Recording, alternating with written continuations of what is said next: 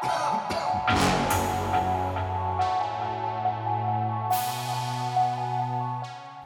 posle.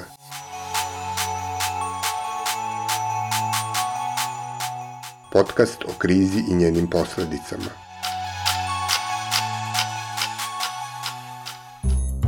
Ovo je jubilarna 20. epizoda Dana posle, specijalnog dnevnog podcasta koji se bavi društvenim i političkim posledicama pandemije koronavirusa kod nas i u svetu. Prema rezultatima najnovijeg istraživanja agencije Ipsos, 92% ispitanih građana ima poverenje u mere koje je država uvela u borbi protiv koronavirusa, dok se čak 99% njih izjasnilo da te mere u svemu poštuje. Osim toga, rezultati govore da građani Srbije od svih političara najviše veruju predsedniku Aleksandru Vučiću, te da je podrška koju mu ukazuju značajno skočila u odnosu na period pre uvođenja vanrednog stanja. 46% ispitanih građana se izjasnilo da veruje samo njemu i nikom drugom. Šta više, od 1997. godine, kada je Ipsos počeo da sprovodi ova istraživanja, nikada nije zabeleženo da toliki broj ispitanika na pitanje u koga imate najviše poverenja daje isti odgovor. Šefovi mnogih zemalja u kojima su rađena slična istraživanja takođe su zabeležili značajan porast rejtinga od početka pandemije, Kako su parlamentarni izbori koji su našoj zemlji bili zakazani za 26. april, bili odloženi zbog epidemiološke situacije, pravi test popularnosti trenutne vlasti će se dogoditi tek kada se steknu uslovi da se ti izbori održe. Za šta se u javnosti nedeljama unazad spekuliše da bi moglo da se desi već u junu. S druge strane, Blic je juče objavio da će se, prema njihovim nezvaničnim saznanjima, izbori najverovatnije održati tek krajem leta ili početkom jeseni. U sklopu opšte normalizacije stanja, trenutni sastav Narodne skupštine juče je ponovo počeo s radom. Naredna sednica, prva od početka epidemije, očekuje se sledećeg utorka i na njoj bi trebalo da se potvrdi odluka o uvođenju vanrednog stanja. Ta sednica će biti održana pod strogim epidemiološkim merama zaštite, uz rukavice, maske i vizire i uz poštovanje normi fizičkog distanciranja.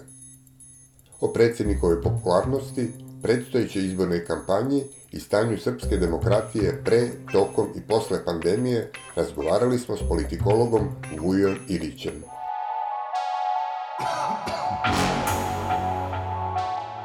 Dan posle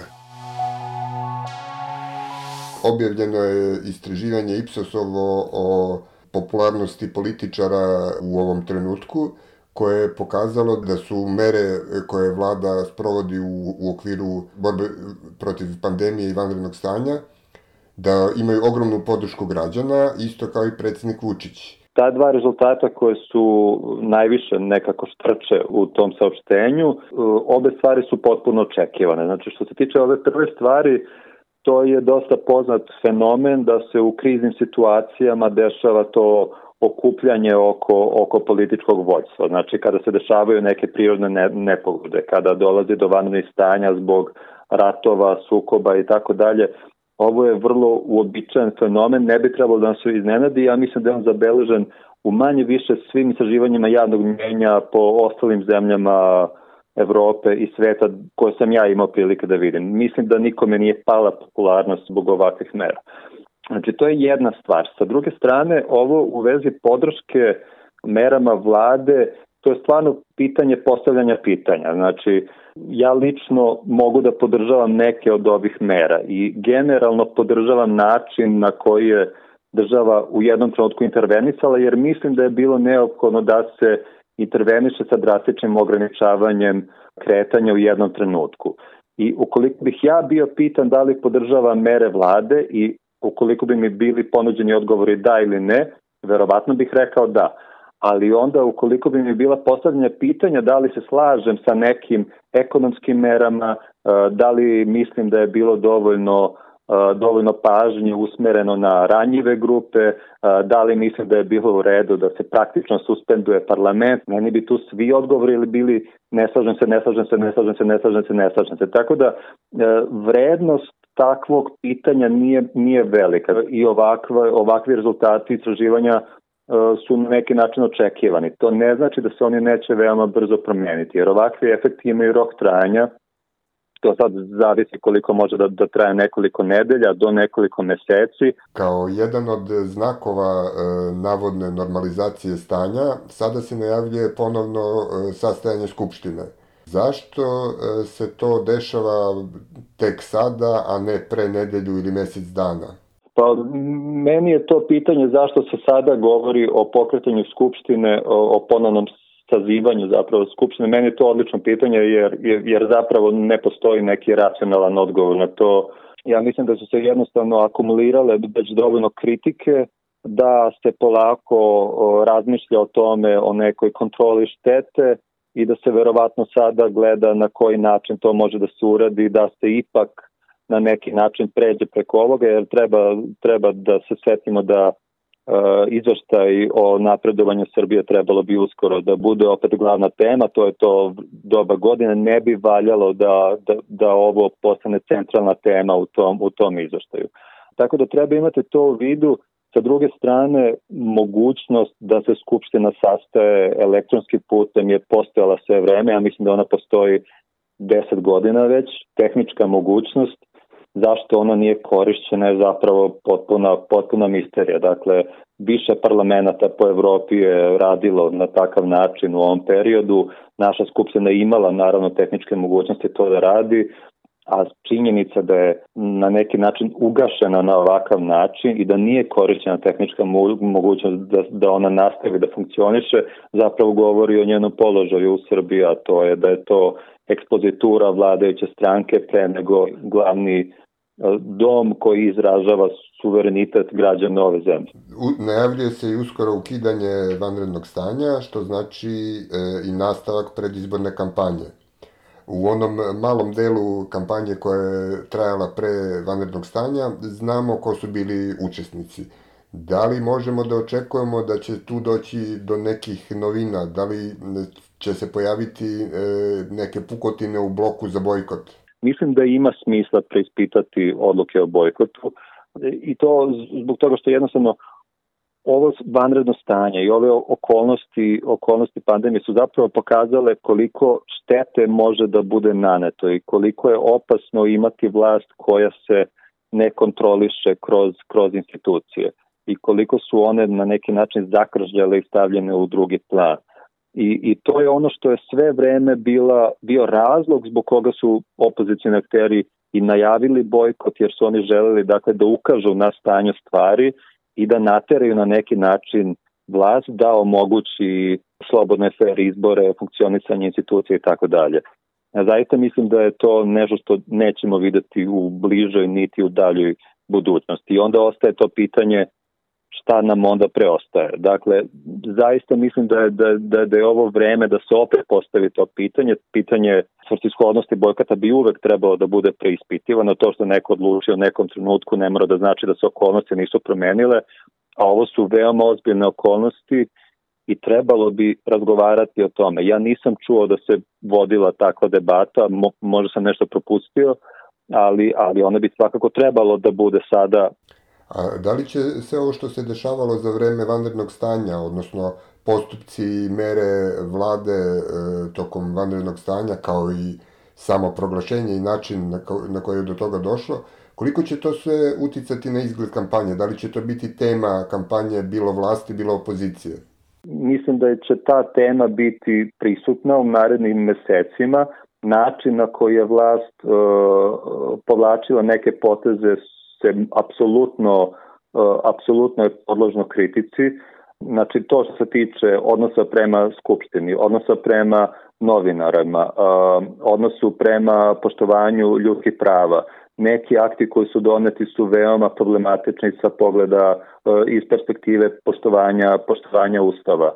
Ekonomske mere, o njima ćemo takođe raspravljati, jer neke imaju smisla, o nekima takođe vredi raspravljati, koliko su one, one svrsishodne i koliko će one biti samo zapravo deo dodatni predizborne kampanje. Dakle, sve će se to nastavljati u narodnom periodu. Posledice po ekonomiju ja ne mogu ni da sagledam. Mislim, ove stvari koje vidim, koje se dešavaju sada u Sjedinjenim državama i, i, i u zapadnoj Evropi, naročito u pogledu nezaposlenosti, to će se sve značajno odraziti na nas. Teže će se preživljavati, ne verujem da će biti ovoliko poslova, ta konstantna priča o novim investicijama, o, o, o velikim ekonomskim ulaganjima i tako dalje, mislim da je to potpuno počinje da bude nešto na veoma staklenim nogama. Jedna od stvari koje su prekinute uvođenjem vanrednog stanja e, jesu i ovi ritualni građanski protesti subotom, koji su se nekad zvali jedan od 5 miliona, a u posljednjoj fazi bojkot 2020. E, šta će biti s tim protestima? E, da li će se nastaviti? Ko će ih povesti? Da li ima šanse da se oni omasove? Dakle, ljudi su mnogo, čini mi se, skeptičniji prema tom nekom masovnom okupljanju. Tako da mi se čini da je ta mogućnost da se napravi neka masovna fizička mobilizacija veoma mala. U nekom narodnom periodu to se na neki način i kompenzuje ovim nekim građanskim akcijama koje su virtuelne ili ovo aplauzi u osam i tako dalje, jer ljudima i dalje potrebno da pokažu i da osete da su deo nečeg većeg od njih. Ali čini mi se da, da u ovom kontekstu aplodiranja sa prozora je bilo imalo je veoma mali rizik po ljude, ali okupljanje u velikim brojevima na javnim mestima, makar sa zdravstvenog aspekta, mislim da su će ljudi se i dalje i dalje truditi da to izbegavaju. Tako da ne mogu baš da vidim da će se u narednom periodu dešavati neke, neki masovni protesti kako smo viđali. Mm, spoljno političku dimenziju e, ponašanja aktualnih vlasti u, u sadašnjem trenutku obeležava s jedne strane e, sukob sa Evropskom unijom, a sa druge strane e, naglašena ljubav prema Kini i kineskom modelu i kineskom iskustvu.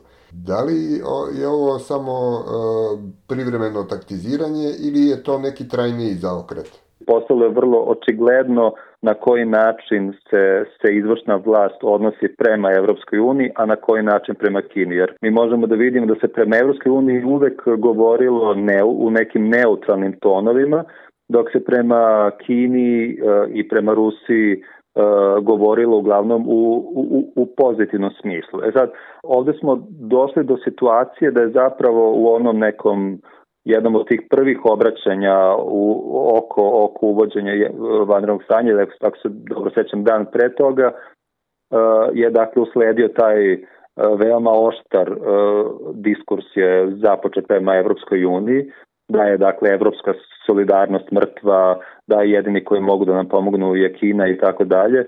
To jeste na neki način zaokret koji će biti važan u sledećem periodu. Mislim da je on registrovan u Evropskoj uniji, e, registrovan i, i u Kini. E, jasno je svima dakle, na koji način se država sada postavila prema jednom i prema drugom spoljno-političkom akteru, e, da nam od Kine ne treba novac, već ljubav. I meni je to veoma bilo onako interesantno na koji način se uopšte govori o tome, da, da se govori o tom nekom emotivnom, veoma pozitivnom emotivnom smislu, dok se taj novac i ti resursi od Evropske unije, to je zapravo nešto što nama nije toliko važno. A, a u tom e, emotivnom otklonu Srbije prema istoku, ko nam je e, sada veća ljubav? Da li brat Si ili tata Putin? E, na neki način, ako poznatramo Evropsku uniju i NATO kao neki, kao, kao neki paket koji je većina zemalja u okruženju prihvatala dakle kao jedan pravac integracija. Evropska unija bio taj ekonomski partner dok je NATO pružao bezbednost.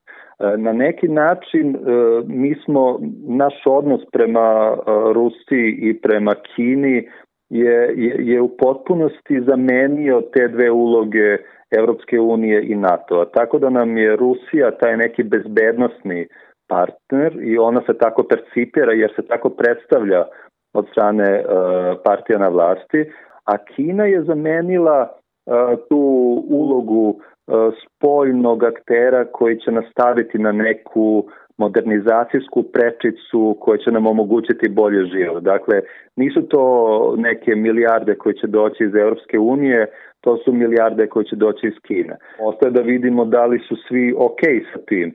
Mislim, to je, dakle, ako je to naš izbor da, da mi pravimo takve odnose, treba da vidimo da li će, da li će Kinezi biti ok i da li će Rusija biti ok sa tim i da li će Evropska unija biti ok sa tim. Budući da se e, ova emisija zove Dan posle, jer je m, jednim delom orijentisana e, prema onome šta nas čeka, e, da se mi malo zagledamo u budućnost Da pođemo od međunarodnog konteksta. E, nekako klatno svetske politike e, se i pre pandemije e, prilično pomerilo udesno, a pandemija je samo dodala vetar u jedra autokratskim režimima. Koliko će taj trend potrajati i šta će nam doneti?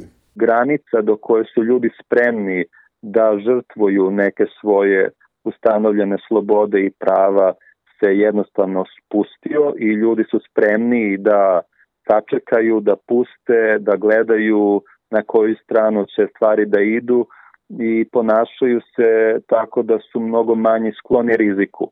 A sve te okolnosti su zapravo okolnosti u kojima autokrate jednostavno mogu da, da se šire i da dodatno konsoliduju svoju moć. Uh, znam da ovo ne zvuči, ne zvuči veoma optimistično i sam sam dosta zabrinut kada pratim vesti o tome šta se dešava uh, i u Italiji, i u Mađarskoj, i u Poljskoj, i u, i u zemljama regiona, ali, ali mislim da moramo da znamo na čemu smo i šta su nam opcije. Uh, jako dugo smo, ja mislim, verovali, ne znam da li je bilo naivno ili je bilo opravdano da je proces evropskih integracija nešto što će nas automatski transformisati u liberalnu demokratiju ili u demokratiju ili u demokratiju nalik onim koje su u zapadnoj Evropi i mislim da, da nema razloga da više verujemo da, da su bilo kakvi procesi, da se oni dešavaju sami od sebe. Dakle, ovo je situacija u kojoj moramo da se oslanimo na sobstvene snage. Vlast će morati da bude promenjena na izborima i za to će nam trebati političko organizovanje mnogo formalnije, sa mnogo snažnijim unutrašnjim procedurama, sa mnogo većim članstvom, što je sve veoma teško uraditi, ali to je, mislim, težak posao koji je pred nama i u koji je, po mom mišljenju, najvrednije uložiti naše vreme i naše resurse. Prošle godine promene koje se desile u Turskoj i u, i u Mađarskoj sa opozicijanim akterima koji su imali te velike uspehe u, u najvećim gradovima, da su to stvari na koje treba da se ugledamo i na koje je trebalo da, iz kojih je trebalo da naučimo nešto. Da li će u narednoj dekadi e, Srbija biti deo nekih međunarodnih integracija i ako da, kojih i kakvih i na koji način? Meni se čini da je, da je ja nemam neka, neka velika očekivanja što se tiče naših, naših evropskih integracija, jer to je prestalo da bude samo naša stvar, a ja mislim da je mnogo više postala stvar mogućnosti Evropske unije da se proširi u nekom narednom periodu. Ne verujem da postoji dovoljna podrška proširenju niti u Evropskoj uniji, niti u Srbiji i iskreno ne mogu da vidim da će se te stvari promeniti u neko, u neko skorije vreme. Tako da ja mislim da smo trenutno zaglavljeni narednih godina, makar ako ne bude bilo nekih većih promena i da je opet to kontekst u kom moramo da, da naučimo da politički delujemo. Da ne možemo da očekujemo neku veliku pomoć s polja, nego da, da je ono što možemo sami da uradimo unutra, manje više to nam je to. Da se vratimo malo na unutrašnju političku scenu, Mislim da ne treba biti mnogo vidovit da pogodimo ko će biti pobednik na predstojećim izborima, ali šta će mu ta pobeda doneti? Kojim stvarima i kojim problemima će morati da se pozabavi u narednom periodu? Prvo, postoje već problemi koji traju već godinama. Jedan od osnovnih jeste, dakle, odnosi sa Kosovom i odnosi sa, sa, sa Evropskom unijom. Znači, taj spoljno-politički plan će uvek biti tu i uvek će biti jedna od stvari koje će se sledeća vlada baviti. Drugi problem jeste ublažavanje posledica ekonomske krize koje će po svemu sudeći uslediti, uslediti kao posledica pandemije. Osoba koja bude vodila vladu imaće veoma nezahvalan posao. Ja pretpostavljam da ćemo opet imati neki sličan scenarij kao prethodni put, da će to biti osoba koja će doći van formalnih e, stranačkih struktura, koja će imati nekakvo veće iskustvo u ekonomiji i iskustvo u saradnji sa spoljnim akterima i da ćemo videti neki takav profil verovatno kao osobu koja će voditi vladu, ali da, dakle najvažnija stvar ta osoba će imati užasno težak posao pred sobom. Vlada će verovatno početi da funkcioniše negde u septembru, a zaista ako sada posmatramo mi ne znamo kako će svet izgledati u septembru, a kamoli kako će izgledati naša ekonomija ili kako će izgledati naša zdravstvena slika u septembru i tako dalje. Tako da je zapravo užasno nezahvalno uopšte razmišljati o tome šta će sve biti problemi koje, sa kojima će ta nova vlada morati da se suoči. A šta će se umeđu vremenu desiti s opozicijom? Tom odlukom da se krene na bojkot izbora opozicija je svesno preuzela rizik e, samo marginalizacije. Ta e, samo marginalizacija je već bila tu. Mislim da je ona dodatno pogoršana ovim uvođenjem vanrednog stanja. Pomenuli smo već dakle taj ogromnu ogromnu dominaciju koje koje su vladajuće stranke imale imale uh, u medijima sada će se to još dodatno pogoršati jer zbog ovih okolnosti uvek postoje povodi da se da se gostuje u medijima, da se govori o velikim intervencijama, da se vodi neka kampanja, da se ljudi mobilišu i tako dalje. Dakle, ta neravnopravnost učesnika će biti dodatno pogoršana. Tako da je opozicija koja se odlučila za, za bojkot, odnosno opozicija koja ne učestvuje na ovim izborima, mislim da će njima biti veoma teško da se, da se snađu u narodnom periodu i, i da uopšte dođu do potencijalnih glasača i do svog biračkog tela. Dakle, postoje problem ranije, mislim da će sada on biti samo gore.